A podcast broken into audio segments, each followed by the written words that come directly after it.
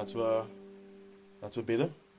En vervolgens uh, het woord openen. Moet hier een beetje mee worden? Ja?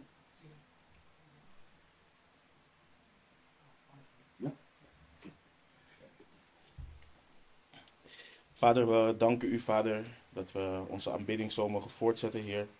Dat we uw woord mogen openen, Heer. Dat we daar, uh, daaruit onderwezen mogen worden. Wilt u spreken door uw woord, Vader? Wilt u uh, ons denken hernieuwen? Wilt u ons uh, onderwijzen, Heer?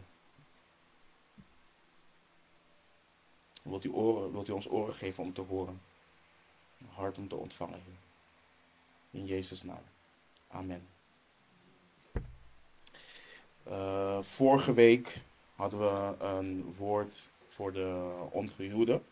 Deze twee stonddagen uh, staan we stil bij het leven als uh, vrijgezel. En we kijken naar onderwerpen als het verlangen uh, om te trouwen, daten, hoe, hoe kies je je partner en nog meer. Vorige week zijn we begonnen met het kijken naar de zegen van het ongehuwd zijn. trouwen is genade van God. Alleen zijn is ook genade van God in de tijd waarin we leven. We hebben gekeken naar 1 Korinthe 7 en hebben gezien dat het geen vloek is om alleen te zijn.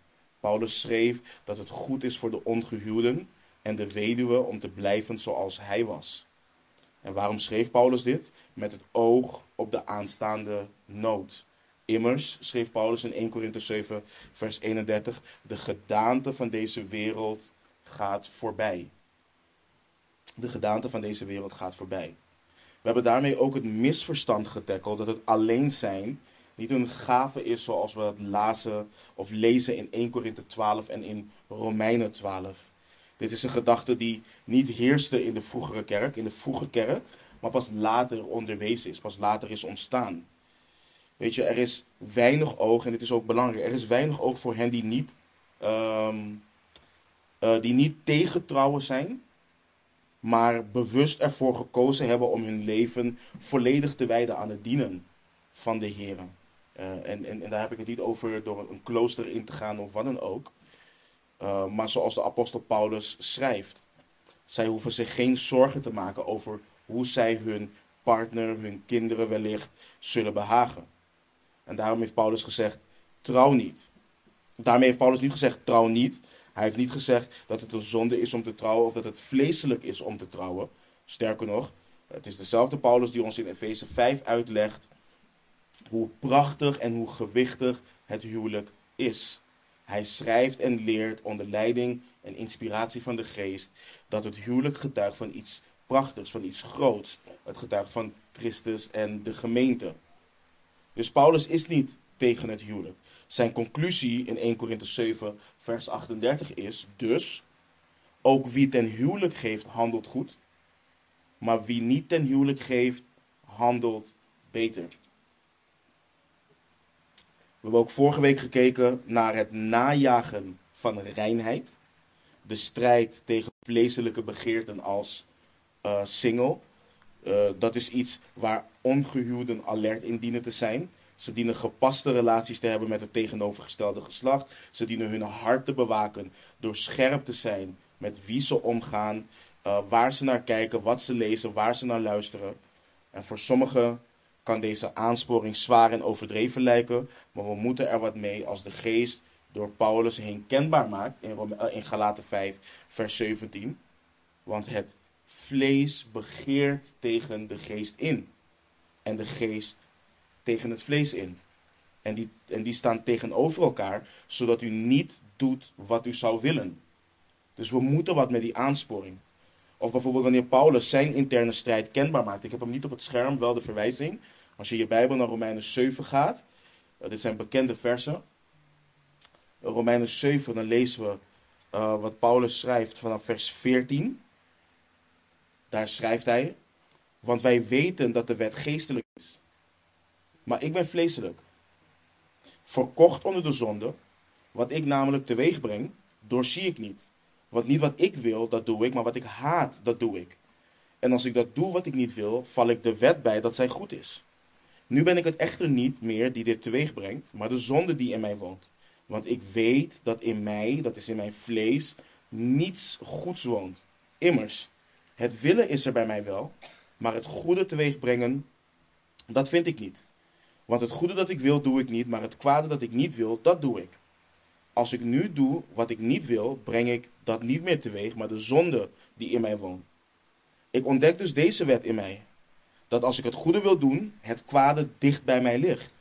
Want na de innerlijke mens verheug ik mij in de wet van God.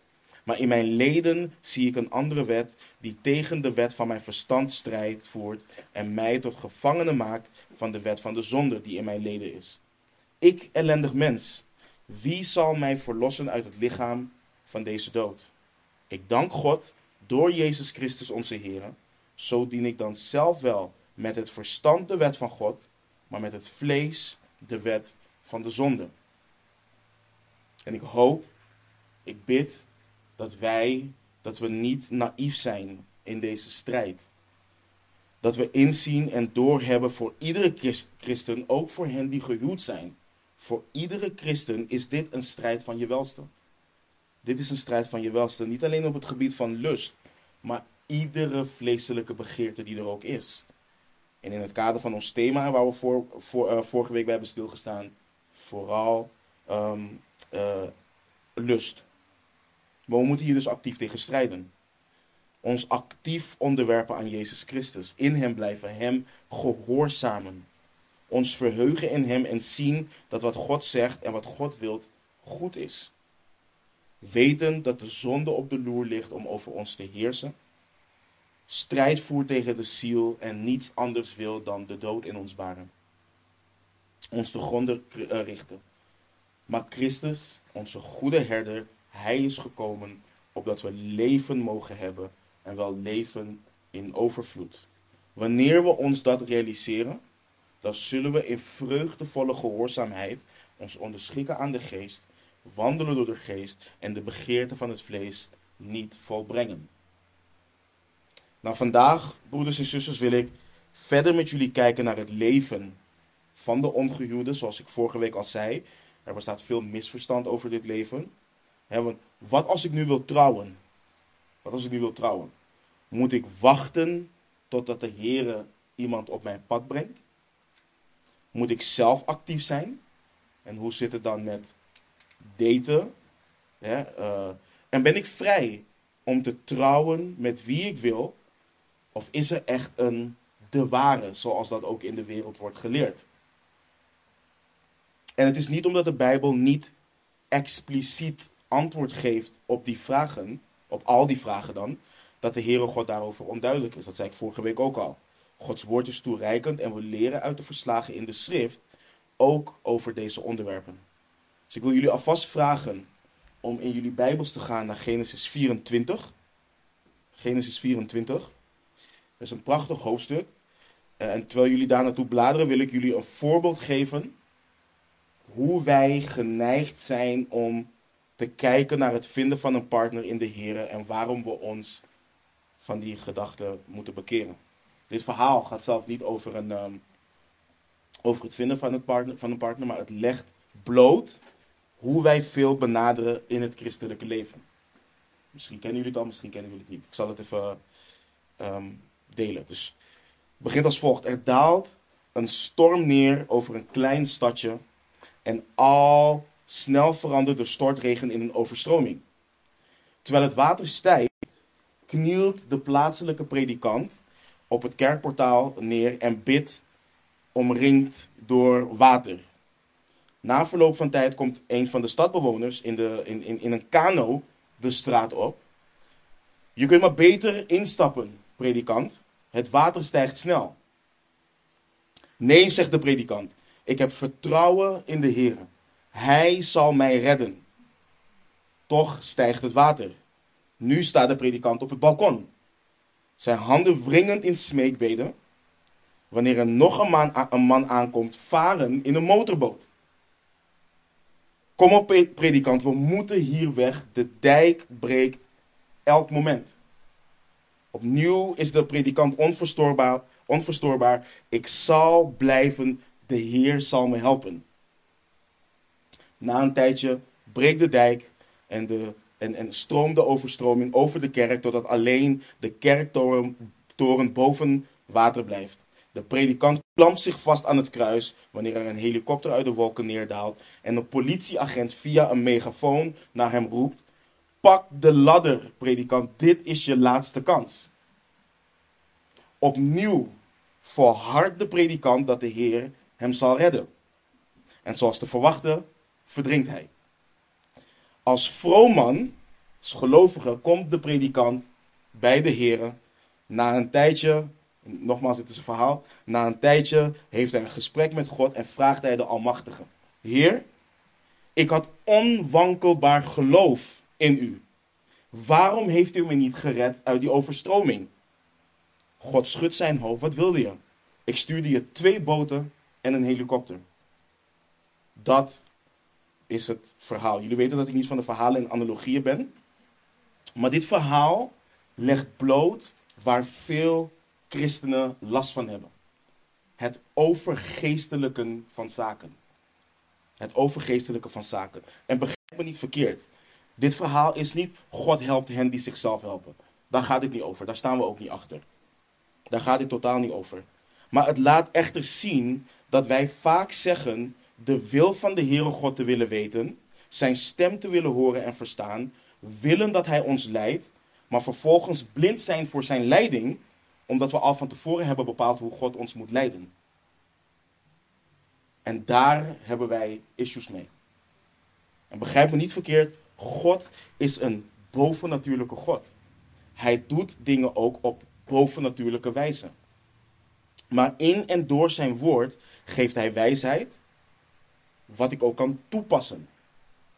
En sommigen willen dat gezond verstand noemen. Ik noem het Gods wijsheid toegepast. Maar ik kan wel vroom gaan bidden en God vragen om een teken te geven. Om bijvoorbeeld niet met mijn ongelovige vrienden naar een nachtclub te gaan. Of om wel te gaan en te gaan evangeliseren. Maar ik weet wat er in de nachtclub gebeurt. En dat het verschrikkelijk duister is, verschrikkelijk goddeloos is. En dat ik als christen daar niets te zoeken heb.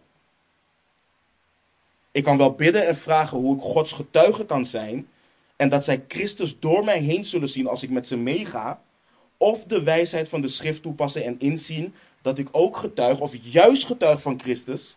Door me als heilige niet daar te bevinden en te kiezen voor Christus en niet voor de wereld.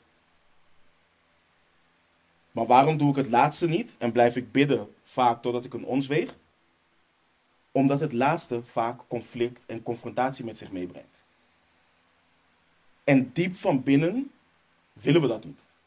Diep van binnen willen we die confrontatie niet aangaan.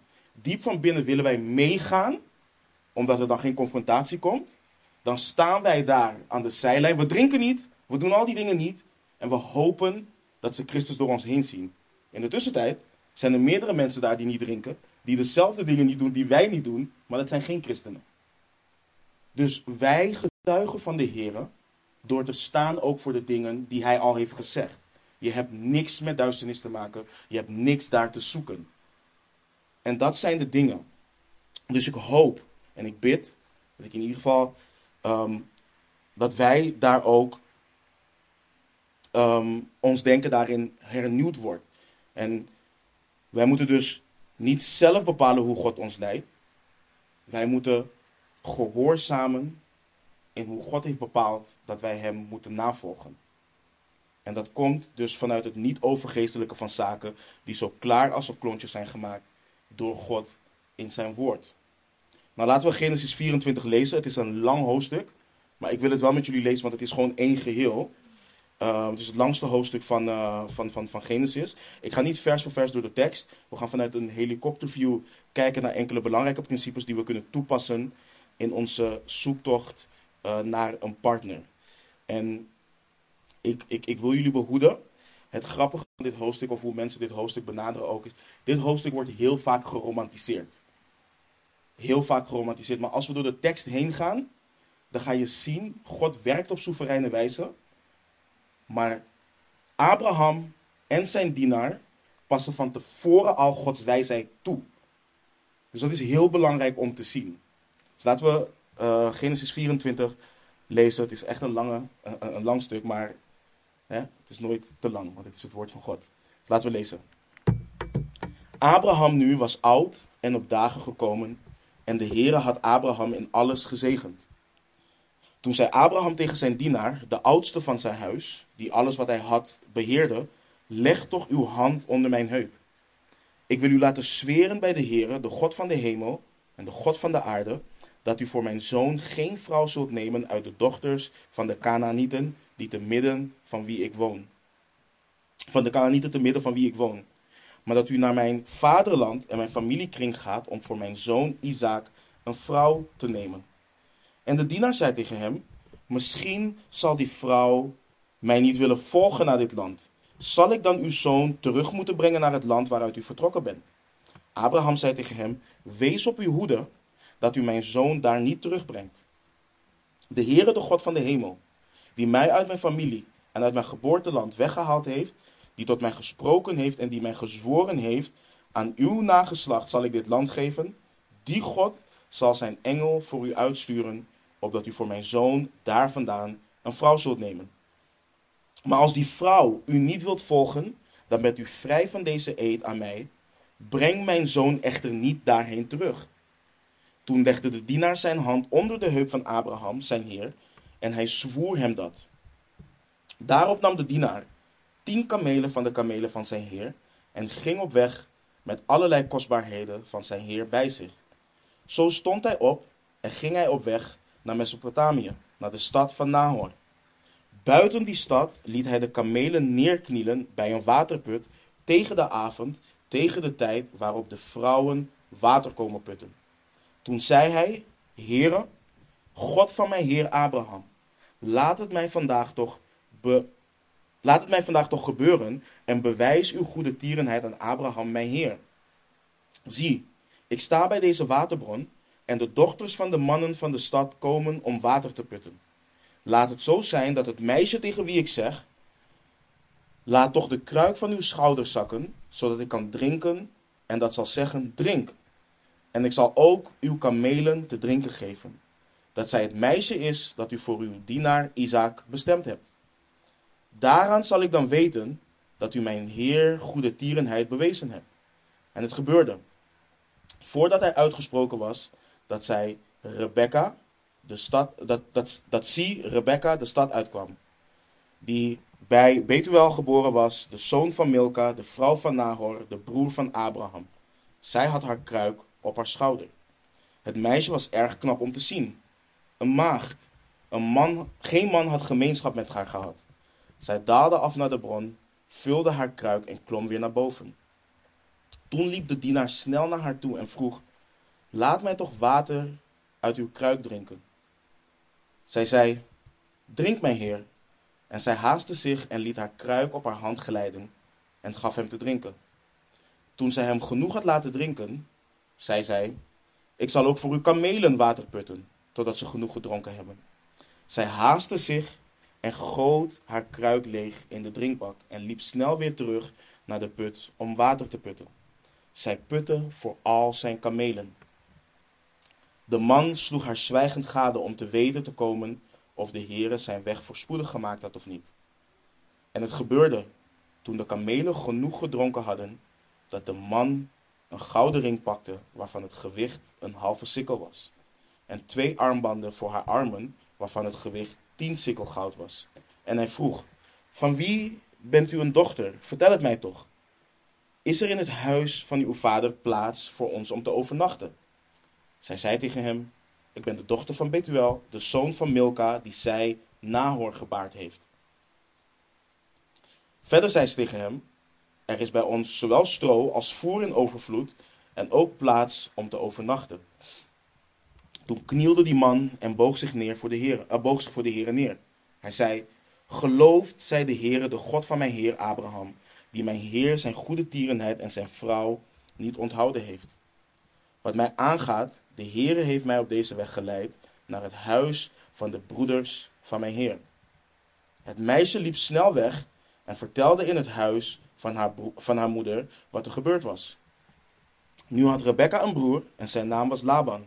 Laban liep snel naar die man toe, de stad uit naar de bron. En het gebeurde, toen hij de ring gezien had en de armbanden aan de armen van zijn zuster. En toen hij de woorden van zijn zuster Rebecca gehoord had, die zei: Zo en zo heeft die man tot mij gesproken, dat hij naar die man toe ging en zie, hij stond bij de kamelen bij de bron. Hij zei: Kom binnen, u die door de Heere gezegend bent. Waarom zou u buiten blijven staan, terwijl ik het huis in gereedheid heb gebracht, evenals een plaats voor de kamelen? Toen ging de man mee naar het huis. Men zadelde de kamelen af, gaf de kamelen stro en voer en bracht water om zijn voeten en de voeten van de mannen die bij hem waren te wassen. Daarna werd hem te eten voorgezet, maar hij zei: Ik zal niet eten voordat ik mijn woorden gesproken heb. Laban zei: Spreek. Toen zei hij: Ik ben een dienaar van Abraham. De Heere heeft mijn Heer rijk gezegend, zodat hij, aanzienlijk man, zodat hij een aanzienlijk man geworden is. Hij gaf hem kleinvee en runderen, zilver en goud, slaven en slavinnen, kamelen en ezels. Sarah, de vrouw van mijn Heer, heeft mijn Heer een zoon gebaard toen zij oud was. En alles wat hij heeft, heeft hij hem gegeven. Mijn Heer heeft mij laten zweren. U mag voor mijn zoon geen vrouw nemen uit de dochters van de Canaanieten, in wier land ik woon. Maar u moet naar mijn familie en naar mijn geslacht gaan en daar een vrouw nemen voor mijn zoon. Toen zei ik tegen mijn heer, misschien wil die vrouw mij niet volgen. Hij zei toen tegen mij, de Heere voor wiens aangezicht ik gewandeld heb, zal zijn engel met u meesturen en hij zal uw weg voorspoedig maken, zodat u voor mijn zoon een vrouw kunt nemen uit mijn geslacht en uit mijn familie. Slechts dan zult u vrij zijn van uw eed aan mij, als u naar mijn familie bent gegaan en zij haar niet met u meegeven. Dan bent u vrij van mijn eed. Toen ik vandaag bij de bron aankwam, zei ik: Heere, God van mijn heer Abraham, als u de weg die ik ga voorspoedig wil maken, zie, ik sta bij de waterbron. Laat het dan zo gebeuren dat het meisje dat naar buiten komt om te putten, tegen wie ik zal zeggen: Geef mij toch wat water uit uw kruik te drinken. En dat tegen mij zal zeggen: Drinkt u maar, en ik zal ook water putten voor uw kamelen, dat zij de vrouw zal zijn die de Heere bestemd heeft voor de zoon van mijn Heer. Nog voordat ik geëindigd had dit in mijn hart te spreken, zie, Rebecca kwam de stad uit met haar kruik op haar schouder en daalde af naar de bron en putte water. Ik zei tegen haar: Geef mij toch wat te drinken. Zij haastte zich, liet haar kruik van haar schouder glijden en zei: Drinkt u maar. Ik zal ook uw kamelen te drinken geven. Ik dronk en zij gaf ook de kamelen te drinken. Toen vroeg ik haar en zei: Van wie bent u een dochter? Zij antwoordde: Ik ben de dochter van Betuel, de zoon van, de zoon van Nahor, die Milka hem gebaard heeft. Toen deed ik een ring in haar neus en de armbanden aan haar armen. Ik knielde en boog mij neer voor de Heere. Ik loofde de Heere, uh, God van mijn Heer Abraham, die mij op de goede weg geleid had om voor zijn zoon de dochter van de broeder van mijn Heer tot vrouw te nemen. Welnu, als u mijn Heer goede tierenheid en trouw wilt bewijzen, vertel het mij, en zo niet, vertel het mij ook. Dan kan ik mij naar rechts of links wijden. Laban en Betuel antwoorden, dit komt bij de Heer vandaan. Wij kunnen, u, wij kunnen tegen u niets meer ten kwade of ten goede zeggen.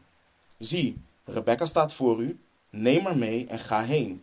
Laat zij de vrouw van de zoon van uw Heer worden, zoals de Heer gesproken heeft. En het gebeurde, toen de dienaar van Abraham hun woorden hoorde, dat hij zich ter aarde neerboog voor de Heer. Daarna haalde de dienaar zilveren en gouden sieraden tevoorschijn en kledingstukken en gaf die aan Rebecca. Ook haar broer en haar moeder gaf hij kostbaarheden.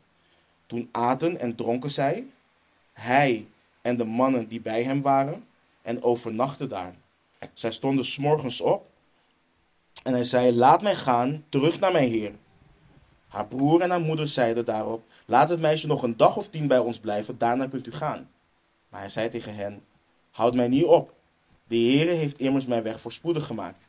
Laat mij gaan, dan ga ik terug naar mijn heer. Toen zeiden zij, laten we het meisje roepen en haar mening vragen. Zij riepen Rebecca en vroegen haar, wil je met deze man meegaan? Zij antwoordde, ik zal meegaan. Toen lieten zij Rebecca, hun zuster en haar voedster en de dienaar van Abraham en zijn mannen vertrekken. Zij zegenden Rebecca en zeiden tegen haar, zuster van ons, word tot duizenden van tienduizenden en laat jouw nageslacht um, in bezit krijgen de poort van zijn vijanden. Rebecca en haar dienaressen stonden op, bestegen de kamelen en volgden de man. Zo nam die dienaar Rebecca mee en vertrok. Isaac kwam inmiddels uit de richting van de put Lachairoi en uh, hij woonde namelijk in het zuiderland. Isaac ging tegen het vallen van de avond naar buiten om te bidden in het veld. Hij sloeg zijn ogen op en zag en zie, er kwamen kamelen aan. Ook, Rebek, ook Rebecca sloeg haar ogen op en zag Isaac. Zij liet zich snel van de kameel glijden. Zij zei tegen de dienaar: Wie is die man die ons in het veld tegemoet komt lopen? De dienaar antwoordde: Dat is mijn heer. Toen pakte zij haar sluier en bedekte zich. De dienaar vertelde Isaac al de dingen die hij gezien had, die hij, die hij gedaan had. Toen bracht Isaac haar in de tent van zijn moeder Sarah en hij nam Rebecca en zij werd hem tot vrouw. En hij had haar lief. Zo vond Isaac troost na de dood van zijn moeder. Dus ik zei net al, hè, dit stuk wordt geromantiseerd en dat komt vooral van het, het laatste gedeelte. Dit, dit, dit zijn scènes die we in een film zien. Ze komt op een kameel rijden. Ze ziet hem, hij ziet haar. Hij, ze glijdt van het ding af, doet een sluier af. Hij rent en oh, het is. E- dat is niet wat we lezen. Dat is het niet. Je moet het gedeelte nog zien. De dienaar legt Isaac gewoon uit. Dit is wat er gebeurd is. Hij legt het goed uit. Maar laten we, laten we er doorheen gaan. Het is belangrijk om bij het volgende stil te staan. Aan wie is Genesis geschreven? En met welk doel is Genesis geschreven?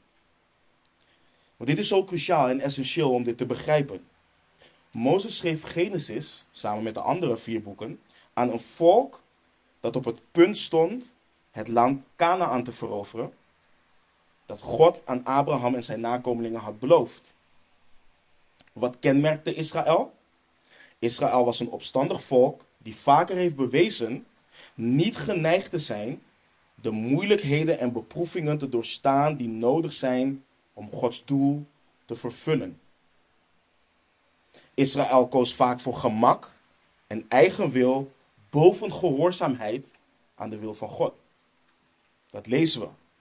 Dus scheid Genesis niet van Exodus, Leviticus, Numeri en Deuteronomium. Je moet ze niet van elkaar scheiden. Het punt namelijk van dit verslag in zijn context is om Israël te laten zien, om hen te herinneren hoe belangrijk het is om hun reinheid als Gods volk, het volk wat God gekozen heeft en apart heeft gezet, te behouden wanneer ze Canaan in zouden gaan. Ze mochten Gods belofte niet vergeten dat hij hen dat land had gegeven en het gebod bijvoorbeeld, meerdere geboden, dat ze niet mochten trouwen met de goddeloze mensen van Canaan. Als ze God zouden gehoorzamen en zijn wil zouden volgen, zou hij hen getrouw leiden en voor hen zorgen, net zoals hij Abrahams dienaar leidde naar Rebecca en als zijn vrouw voor Isaac gaf. Dit is cruciaal. Dit is cruciaal. En voor hen die ongehuwd zijn, zijn er belangrijke principes die we hieruit kunnen halen eh, in het vinden van een partner. Laten we kijken naar het eerste. We hebben drie punten. Laten we kijken naar het eerste. Als we Gods leiding willen ervaren, dan moeten we volledig toegewijd zijn aan de Heer en aan zijn doel. We moeten volledig toegewijd zijn aan de Heer en zijn doel. We zien in het hoofdstuk bij zowel Abraham als zijn dienaar volledige toewijding aan God en zijn doel. Wat doet Abraham? Hij roept zijn dienaar, geeft hem een opdracht om een vrouw te vinden. En hij, hij, hij zegt niet, doe maar wat je wil, oh de Heer zal je leiden. Nee, wat zegt hij? Die vrouw als eerste, ze mag niet uit Canaan komen. Hij geeft duidelijke instructies. En let op de twee manieren waarop dus Abraham volledig toegewijd is aan de Heer. Eén, die vrouw mag niet uit Canaan komen. Waarom niet? Abraham wist dat dit afgodendienaaren waren. Hij wist dat. Hij wist dat dit mensen waren die niet toegewijd zijn aan de Heere God. Hij wist ook dat er oordeel zal komen over dit volk. En hoe vaak zien we wel niet terug waarom ze niet met de Canaanieten mochten trouwen? Let op Exodus 34 en Deuteronomium 7. Laten we eerst Exodus 34 lezen. Daar lezen we in vers 12 tot en met 16 het volgende. Mozes spreekt. Um, ja. Wees op uw hoede Exodus 34 vanaf vers 12. Wees op uw hoede dat u geen verbond sluit met de inwoners van het land waarin u komt. Anders zullen zij in uw midden tot een valstrik worden. Maar hun altaren moet u afbreken, hun gewijde stenen in stukken slaan en hun gewijde palen omhakken. Dit is afgoderij. Ze moeten afdoen van, ze moeten alle afgodsbeelden moeten ze wegdoen. Want u mag zich niet neerbuigen voor een andere God. De naam van de Heere is immers de naijverige. Een naijverige God is hij. Anders sluit u misschien een verbond met de inwoners van het land. Wanneer zij immers als in hoererij achter hun goden aangaan en aan hun goden offers brengen, zal men u kunnen uitnodigen en zal u van hun offer eten. Dan zou u van hun dochters vrouwen nemen voor uw zonen. Hun dochters zouden als in hoererij achter hun goden aangaan en uw, zoden, uw zonen als in hoererij achter hun goden aan laten gaan. Dat is, dat is Exodus 34, vers 12 tot met 16. Let nu op Deuteronomium 7, vers 3 en 4. Heel duidelijk. U mag geen huwelijksbanden met hen aangaan. Uw dochters mag u niet geven aan hun zonen en hun dochters niet nemen voor uw zonen. Waarom niet? Want zij zouden uw zonen van achter mij laten afwijken, zodat zij anderen goden gaan dienen en de toorn van de Heere tegen u ontbrandt en hij u al snel wegvaagt. Abraham is als afgodendienaar uit de afgoderij geroepen om de levende God te gaan dienen. Wat zie je dat de wil van de Heer? Wat, wat, wat zie je dat zijn wil als ouder voor zijn kind is? Ik wil niet dat mijn kind teruggaat naar hetgeen waaruit ik geroepen ben. Dus hij geeft zijn dienaar de opdracht om te gaan naar het land waar hij vandaan kwam. En om uit zijn familie een vrouw voor Isaac te vinden. Waarom? Abraham is uit zijn familie weggegaan. Abrahams familie wist dat de Heere God Abraham had geroepen. Zij wisten dat hij zijn vaderland had verlaten omwille van de Heere God. Dus voor Abraham is dit de juiste, wijze keuze om te maken voor zijn zoon. Wat houdt dit voor ons in? Wat is de toepassing voor ons? Ga in je Bijbel alsjeblieft naar 2 Korinthe 6. Dan lezen we 2 Korinthe 6, vers 14 tot en met 16. Wat schrijft Paulus hier onder leiding van de Heilige Geest? Vorm geen ongelijkspan met ongelovigen. En nu zegt hij dit niet omdat hij vindt, wij zijn gelovigen, wij staan hier, ongelovigen zijn hier, wij zijn beter. Nee, dit is niet wat hij zegt. Dit is geestelijk. Wat zegt Paulus? Want wat heeft gerechtigheid gemeenschap, gemeenschappelijk met wetteloosheid? En welke gemeenschap is er tussen licht en duisternis? En welke overeenstemming is er tussen Christus en Belial? Of wat deelt een ongelovige met, uh, gelovige met een ongelovige? Dus wat voor fellowship hebben ze met elkaar? Of welk verband is er tussen de tempel van God en de afgoden? Want u bent de tempel van de levende God, zoals God gezegd heeft. Ik zal in hun midden wonen en onder hen wandelen, en ik zal hun God zijn, en zij zullen mijn volk zijn.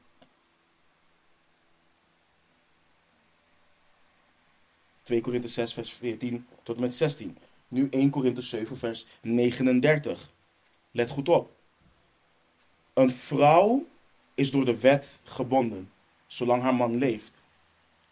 Als haar man echter ontslapen is, is zij vrij om te trouwen met wie zij wil. Let goed op. Ze is vrij om te trouwen met wie zij wil, maar alleen in de Heer. Alleen in de Heer. En broeders en zusters, dit, deze leer is zo duidelijk. Er zijn mensen vandaag de dag die willen zeggen, de Bijbel is hier niet duidelijk over. Dit is heel duidelijk. Maar velen zijn helaas ongehoorzaam. Kijk, als jij wedergeboren bent, ongehuwd, we zien het, dan mag je, hoor je niet en moet je niet trouwen met een ongelovige. Ja, maar wat als de Heer mij wilt gebruiken om hem of haar tot bekering te brengen? Ja, maar je weet niet hoe je kunt getuigen van de Heer hierin. Ja, maar je weet niet wat de Heer hier doorheen kan doen. Ik heb ze allemaal gehoord. Wat staat er? Vorm geen ongelijkspan met ongelovigen. Want wat heeft gerechtigheid gemeenschappelijk met wetteloosheid? En welke gemeenschap is er tussen licht en duisternis? En welke overeenstemming is er tussen Christus en Belial? Of wat deelt een gelovige met een ongelovige? Broeders en zusters, hoor mij, er is een verschil. Er is een verschil tussen de christen en de ongelovige. De christen is levend gemaakt met Jezus Christus. De ongelovigen zijn dood door de overtredingen en zonden. De christen wandelt nu heilig omdat hij die de christen geroepen heeft, heilig is. De ongelovigen wandelen overeenkomstig de leefwijze van deze wereld, overeenkomstig de wil van de aanvoerder van de macht in de lucht. De geest die nu werkzaam is in de kinderen van de ongehoorzaamheid, is niet de Heilige Geest die werkzaam is in de kinderen van de levende God. De christen wandelt door de geest en kruisigt de begeerten van het vlees, van hun vlees en doen de wil, um, sorry, en, want de christen is het vlees niets verplicht.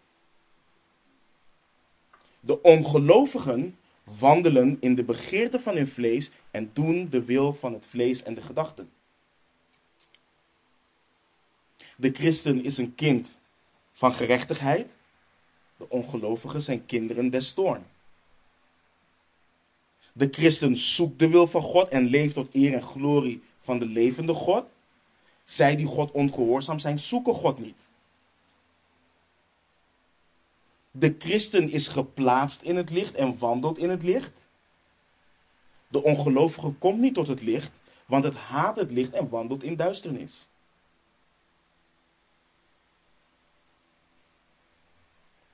Broeders en zusters, er is niet, maar dan ook niets wat de christen en de ongelovigen met elkaar gemeen hebben. Dit houdt niet in dat we neerkijken op ongelovigen. Dit houdt niet in dat we ongelovigen niet lief hebben. Dit houdt niet in dat we vijandelijk gezind moeten zijn richting ongelovigen. Absoluut niet. God leert dat niet, maar hij leert overduidelijk. Vorm geen ongelijkspan met ongelovigen. Kijk, en nu kun je bidden tot je een ons weegt. En je kunt bidden en vragen dat bepaalde events en situaties op bepaalde manieren gebeuren. En dat die ongelovige precies op het juiste tijdstip ergens zal zijn.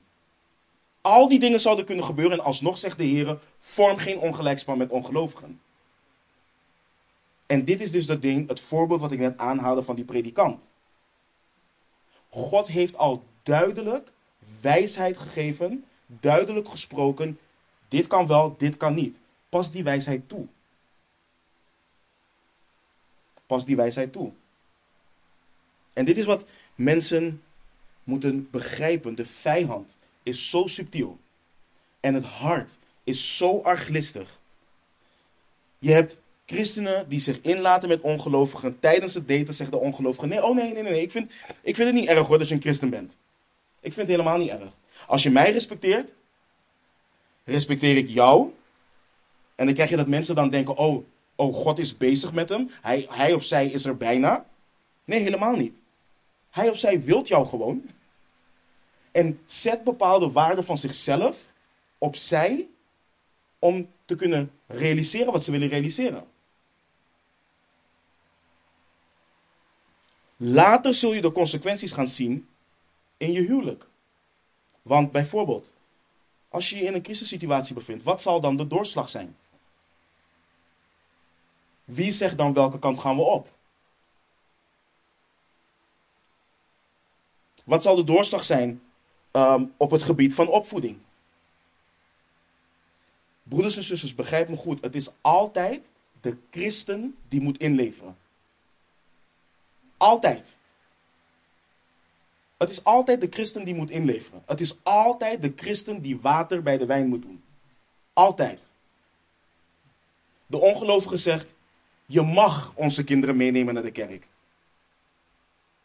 Terwijl je de opdracht hebt gekregen om je kinderen op te voeden in de vrezen des Heren. En je denkt dan dat de persoon je een gunst doet, maar die persoon, die bepaalt eigenlijk wat er gebeurt.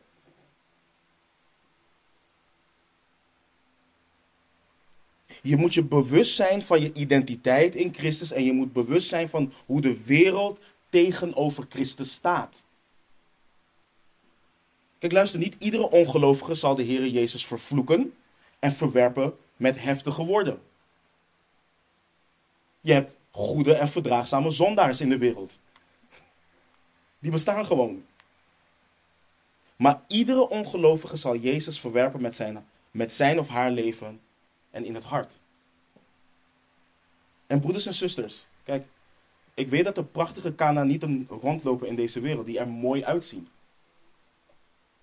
En ik weet dat er christenen zijn die trouwen met ongelovigen of trouwen met mensen die zeggen dat ze christenen zijn, maar je ziet in alles dat ze niet toegewijd zijn aan Christus. En ik weet dat dan die gedachte kan komen opspelen. Ben ik dan te streng voor mezelf? Ben ik te streng voor mezelf? Ben ik te fundament, uh, fundamentalistisch? Als het voor hem of voor haar werkt, zal het toch ook zeker voor mij werken? Nee, broeders en zusters. Neem een voorbeeld aan Abraham. Hij was volledig toegewijd aan God en aan zijn doel. Neem geen vrouw uit deze Canaanieten voor mijn zoon.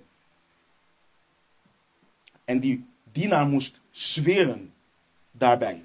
Hij moest een eed afleggen daarbij. Maar hoe zag je de toewijding nog meer? En dit is belangrijk. De dienaar mocht Isaac niet terugbrengen naar het land van Abraham. Zij mocht geen vrouw nemen uit de Canaanieten, maar hij mocht Isaac ook niet terugbrengen naar het land als de vrouw wel met hem wilde trouwen, maar de vrouw hem niet mee wilde volgen. Waarom niet? God heeft hem daar vandaan geroepen. Hij is geen burger van dat land meer. God zal hem een nieuw land geven. God heeft hem een nieuwe identiteit gegeven en dat geldt ook voor jou als christen. Jij bent uit de wereld geroepen. De wereld heeft jou niets te bieden. Je bent hier op doorreis. Dit is niet jouw huis. God heeft beloften gedaan aan zijn kinderen. En in die beloften dienen wij te staan. In die beloften dienen wij te wandelen. Dus ook al zou de dienaar geen vrouw daar vinden, dan zou het niet voor Isaac betekenen dat hij daar naartoe mocht gaan. Wat betekent dat voor jou? Als jij niet in een gemeente of in een goede, solide, bijbelgetrouwe conferentie, ik noem maar wat, een partner vindt, dan betekent dat niet voor jou dat je terug moet gaan naar de wereld. Om daar een partner te vinden.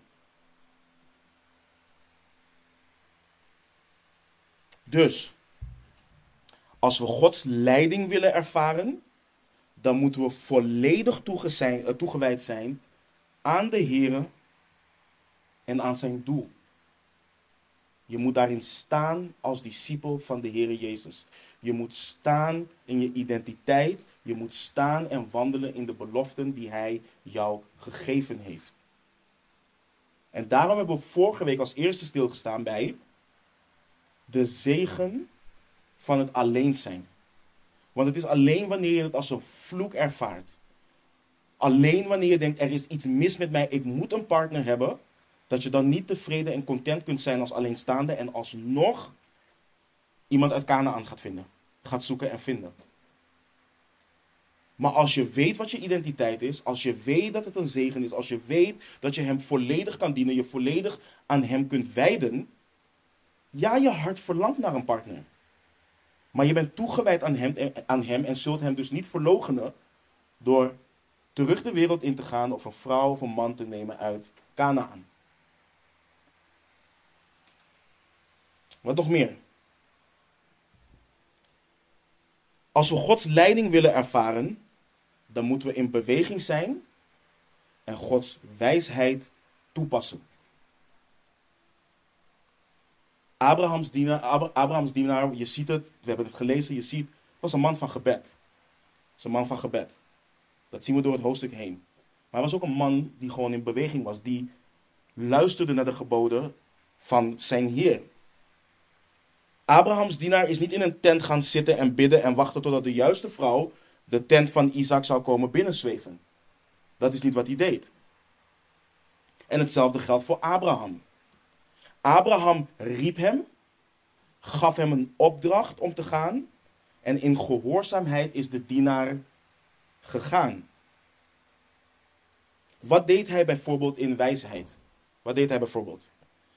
Hij nam de nodige schatten mee die toepasselijk waren in die cultuur. Hij nam de nodige schatten mee. Dit is het verschil bijvoorbeeld waar wij dingen overgeestelijken. Wij zouden snel de neiging kunnen krijgen, kunnen hebben, oh als, als het echt iets voor mij is, dan zal God wel wegnemen dat ik een bruidschat moet meenemen. Of wat dan ook moet meenemen. Nee, die dienaar doet gewoon wat wijs is.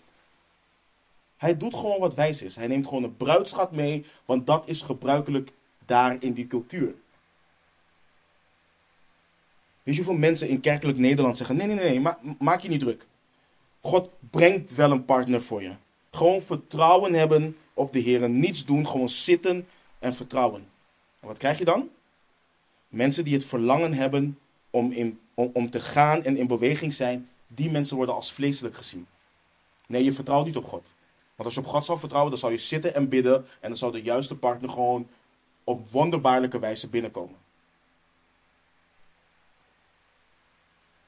Ja, maak wijze beslissingen. Pas Gods wijsheid toe. Als je op zoek gaat, ga dan waarvan je weet in gehoorzaamheid, hier kan ik zijn. Hier kan ik zijn. Je gaat niet naar je lokale bruine kroeg om je partner te vinden. Of naar de discotheek om je partner te vinden. Ga naar plekken waar je weet, daar zullen bijbelgetrouwe en Christus gecentreerde mensen komen. En weet je wat het ding hiermee is? Het klinkt niet romantisch. Het klinkt niet romantisch. Het is geen basis voor een goed en overgeestelijk verhaal. Dat wanneer je later je kinderen of je kleinkinderen voor je zal zetten. Weet je wat er gebeurde? Nou, de zon stond precies zo. En papa bad en papa keek. En toen liep die persoon en. Dat soort verhalen willen we vertellen. Dus het is, geen, het is geen basis voor een goed en romantisch verhaal. Maar wat is het wel? Het spreekt en het getuigt wel van Gods onmetelijke wijsheid. Daar spreekt het van.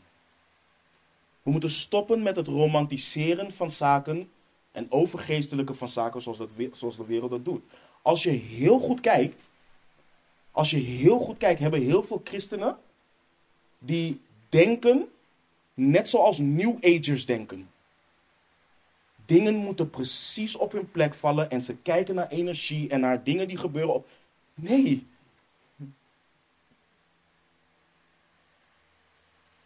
Wat zien we nog meer op het gebied van wijsheid terug in dit verslag? Let op, let op hoe het begon. Let goed op hoe het begon. Dit begon met een verlangen van Abraham. Nu weet ik dat er, in onze tijd, wij zouden niet willen dat onze ouders zouden bemoeien in het vinden van een partner voor ons. Maar als je godvrezende ouders hebt, luister naar je ouders. Ze hebben genoeg gezien, ze hebben genoeg gehoord, ze hebben genoeg meegemaakt. Zij zien dingen die jij niet ziet. En niet alleen dat, ook naar de oudere broeders en zusters hier in de gemeente. Luister naar ze. Wij als jongeren, ik had het laatst met broeder Ronda over, wij als jongeren tegenwoordig in onze tijd, hebben, we hebben best wel wat hoogmoed. Wij denken dat wij vaak het wiel opnieuw moeten uitvinden. En wat leren we bijvoorbeeld in Titus 2? De jongere vrouwen moeten leren van de oudere mannen, van de oudere vrouwen. En hij geeft een voorbeeld aan de oudere mannen, hoe zij moeten zijn voor de jongere mannen. We kunnen immens veel leren. Wij denken dat we vaak met jongeren om elkaar heen moeten zijn. Allemaal als jonge honden zelf de dingen moeten gaan ontdekken.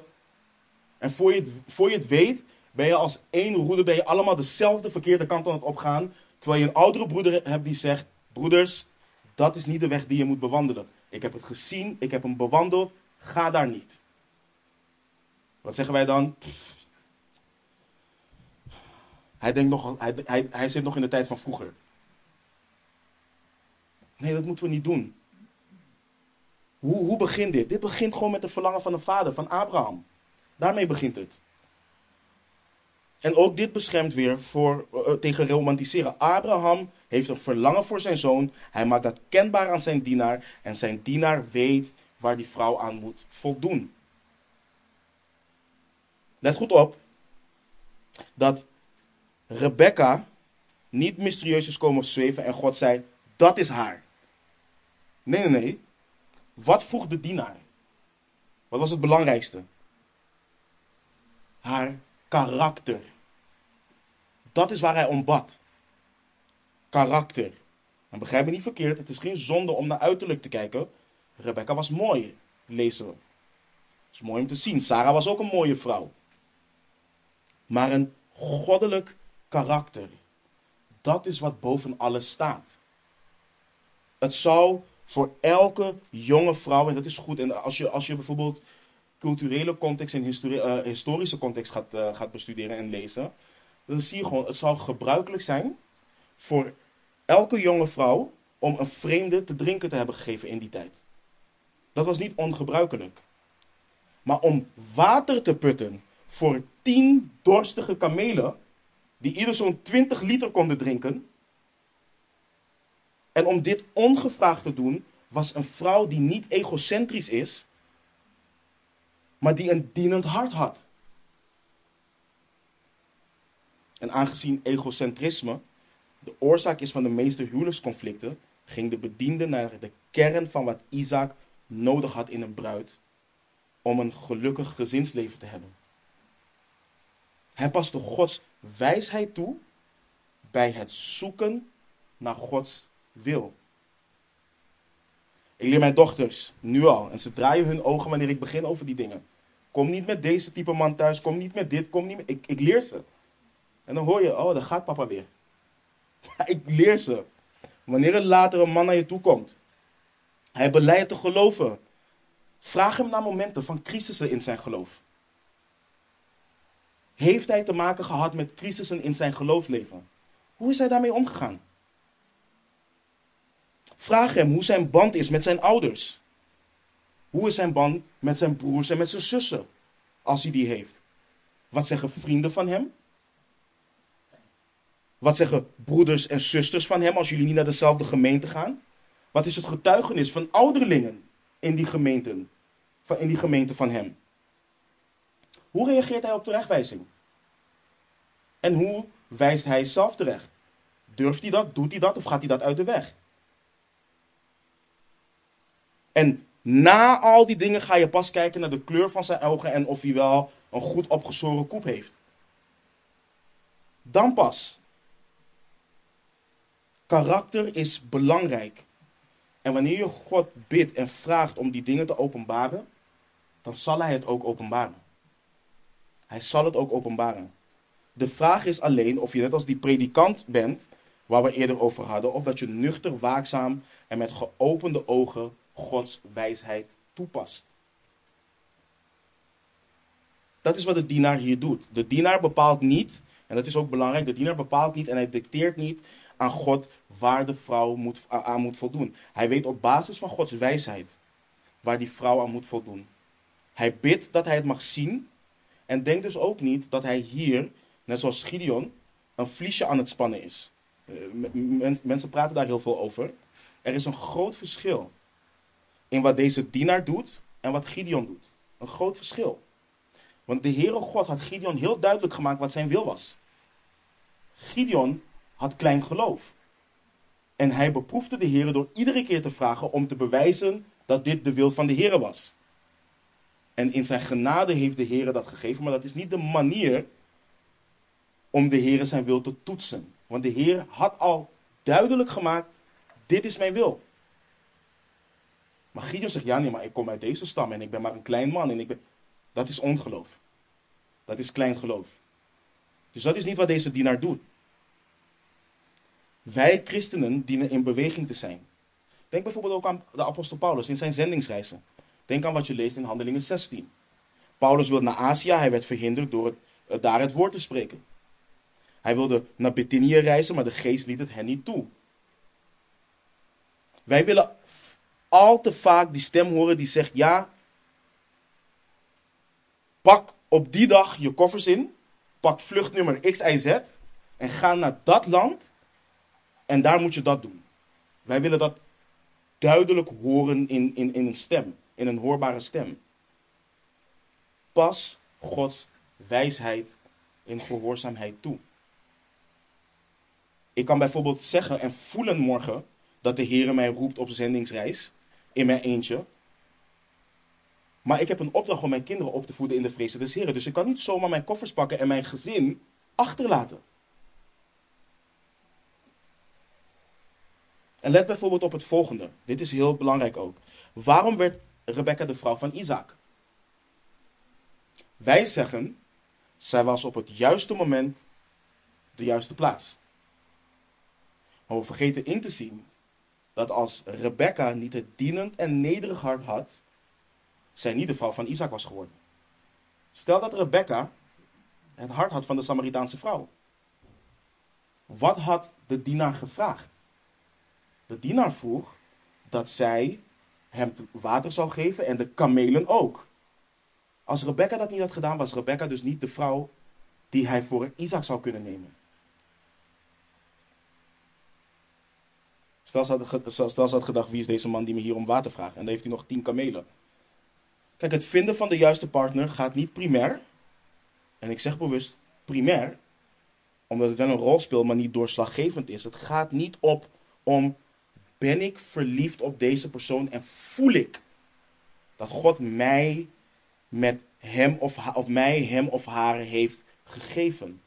Nee, het gaat primair om, is dit een man of is dit een vrouw naar Gods hart? Is dit een man of een vrouw met het karakter, met de wil om God te dienen? En dit brengt me naar mijn volgende punt. Als we Gods leiding willen ervaren, dan moeten we constant in gemeenschap met God zijn en onophoudelijk naar zijn wil bidden. Onophoudelijk bidden naar zijn wil. De dienaar bad niet naar zijn eigen wil. Hij bad ook niet naar wat hij dacht dat Isaac zou willen. Hij bad naar wat God belangrijk vindt. God kijkt namelijk naar het hart van de persoon. En hij onderschikte zich ook wat dat betreft aan de wil van de Heer. Zowel Abraham en de dienaar waren zich bewust van het feit dat de dienaar deze opdracht niet zou kunnen vervullen. Dat het zou kunnen zijn dat hij die vrouw niet zou vinden. Nadat deze man gebeden had, Rebecca haar hart heeft laten zien, ze blijkt familie te zijn van Abraham. Zie je al die stappen? Al die stappen die Abraham ook had gezegd. Ze blijkt familie van Abraham te zijn, maar dan is hij nog steeds niet klaar. Dan is hij nog steeds niet klaar. Hij gaat naar haar huis. Hij getuigt van wat de Heer heeft gedaan. En dan sluit hij af met wat er in vers 49 staat. Wel nu. Als u mijn Heer goede tierenheid en trouw wilt bewijzen, vertel het mij. En zo niet, vertel het mij ook. Dan kan ik mij naar rechts of naar links wijden. Of wenden. Dus dat zou kunnen zijn dat ook al voldeed Rebecca aan alles waarvoor de dienaar gebeden heeft, zij haar niet met hem mee wilde laten gaan. En dat hij dan verder was gegaan. Maar zij zeiden wijs, dit komt bij de Heeren vandaan. Wij kunnen tegen u niets meer ten kwade of ten goede zeggen. Zie, Rebecca staat voor u. Neem haar mee en ga heen. Laat zij de vrouw van de zoon van uw Heer worden, zoals de Heere gesproken heeft. Nu, kijk, wij moeten leren, en dat is zo belangrijk. Wij moeten leren dat het herkennen van Gods wil, het herkennen van Gods wil, het is alles behalve een formule. Het is geen formule. De ene keer heb je vrede in je hart wanneer je ontdekt dat iets Gods wil is. En de andere keer heb je die rust niet en heb je gewoon vrees in je hart en is het alsnog de wil van de Heer.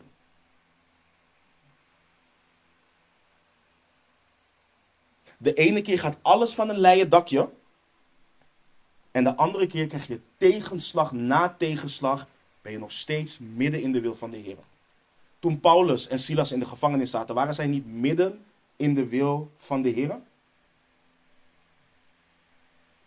Ze waren midden in de wil van de Heer.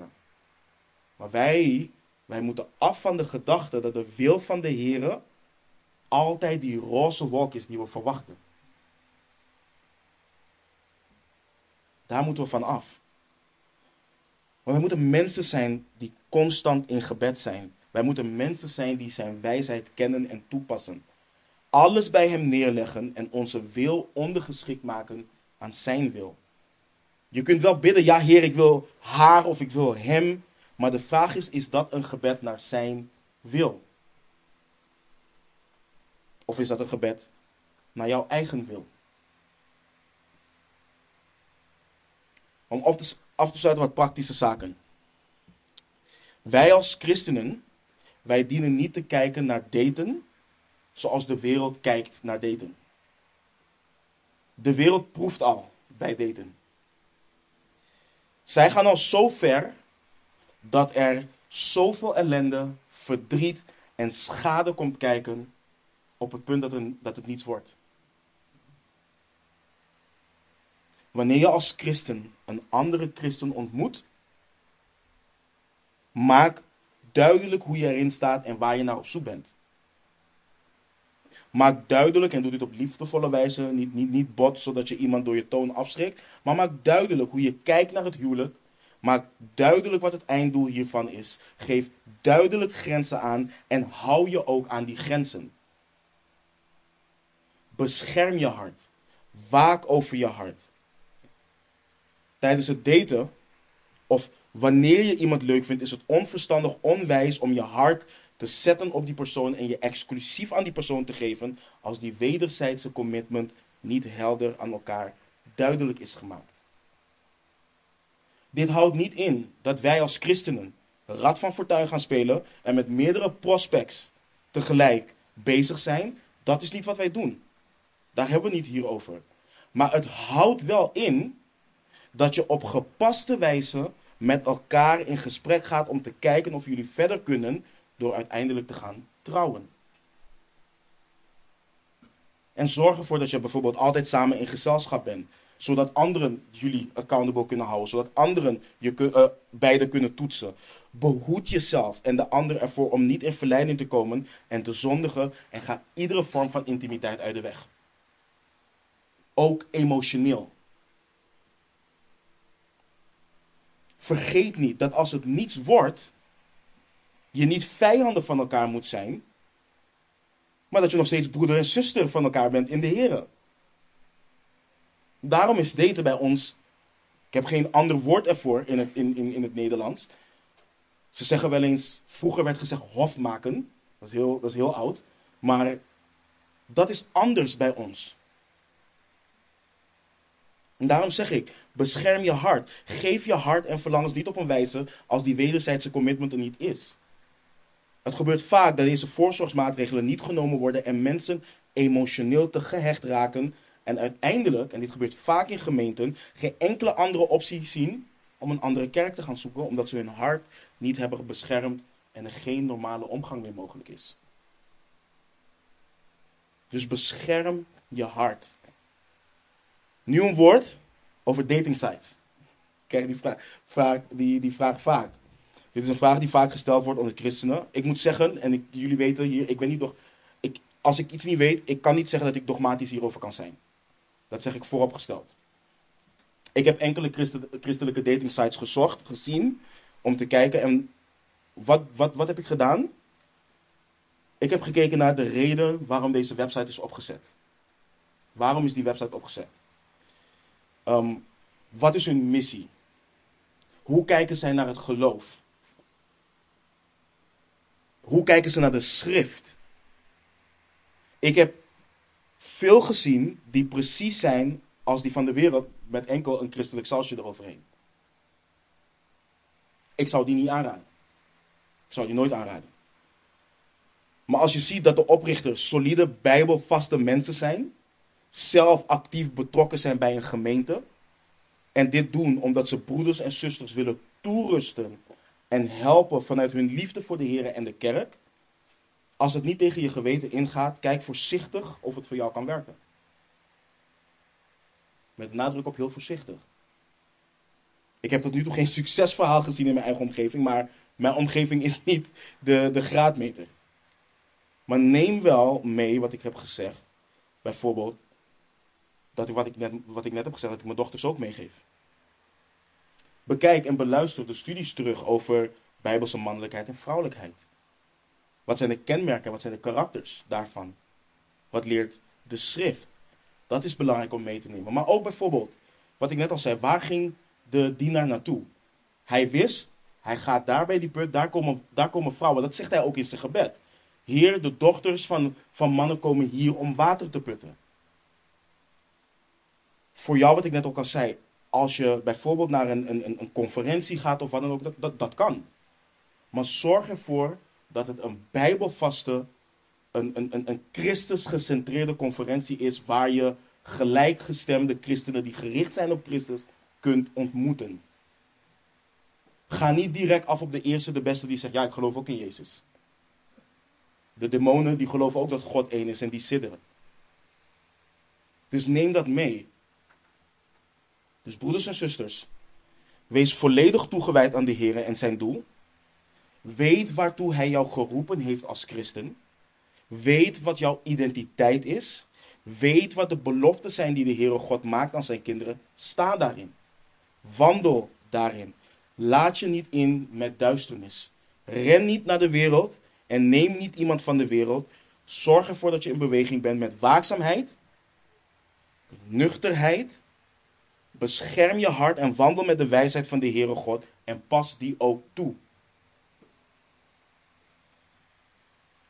Vaak zie je al in het proces, ik noem het nu maar even hofmaken om het, uh, om het uh, niet dat woord daten te geven, maar, maar vaak zie je in het proces, zien mensen al dingen die al als het ware rode vlaggen zijn.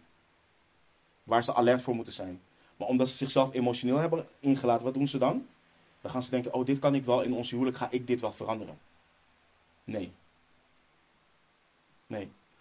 Als hij of zij in de gemeente zit, betrokken is in die gemeente, en dat iets is wat domineert in zijn of haar karakter, dan ga jij het ook niet veranderen. Hij of zij moet zich onderschikken aan de Heer. En dan zal het veranderd worden. Dus daarom moet je kijken, vreest hij of zij de Heer? Vreest hij of zij de Heer? Dus wandel en pas de wijsheid van de Heer toe. Dat is niet vleeselijk, maar juist God verheerlijkend omdat je hem gehoorzaamt door te wandelen overeenkomstig wat hij heeft gezegd in zijn woord. Dat beschermt je tegen het romantiseren, het beschermt je tegen het overgeestelijke en ook nog eens, het beschermt je tegen liefdesverdriet ook. Het beschermt je daartegen.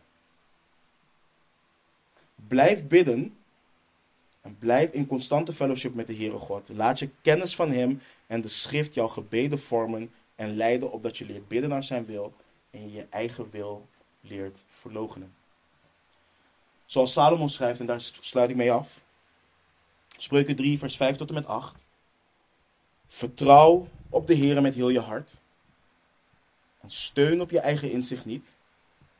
Ken Hem in al je wegen. Dan zal Hij je paden recht maken. Soms, vaak stoppen we daar, hè? Maar let op die waarschuwing hierna. Wees niet wijs in je eigen ogen. Vrees de Heer en keer je af van het kwade. Waarom? Het zal een medicijn zijn voor je navel en verfrissing voor je beenderen. Amen. Laten we bidden. Almachtige Vader, Heer, u bent zo wijs, u bent zo goed, u bent zo groot, Heer. Heer, u laat ons niet doelloos, u laat ons niet in het ongewisse, Heer, u laat ons niet zelf uitzoeken wat we moeten doen. U, de alwetende en alwijze God, geeft wijsheid. We danken u daarvoor. Mogen u ons een hart geven, Heer. Zoals we in spreuken lezen, acht slaat op de wijsheid. Mogen we een hart hebben, Heer, dat we niet wijs zijn in eigen ogen, maar dat we u vertrouwen in alles, Heer. Dat we steunen op u, Heer, niet op ons eigen inzicht. Vader, bid voor mijn broeders en mijn zusters die ongehuwd zijn. Dat dit hun denken mag hebben hernieuwd. Dat dit hun hoop, blijdschap, vreugde geeft. Dat u hen zult leiden als zij het verlangen hebben om te trouwen, Heer. Het maken van de juiste keuzes. Heer, dat zij uw wil daarin zoeken. Vader, ik dank u, Heer. Ik loof en prijs uw naam. Ik bid dit alles in de naam van onze Heer Jezus Christus. Amen.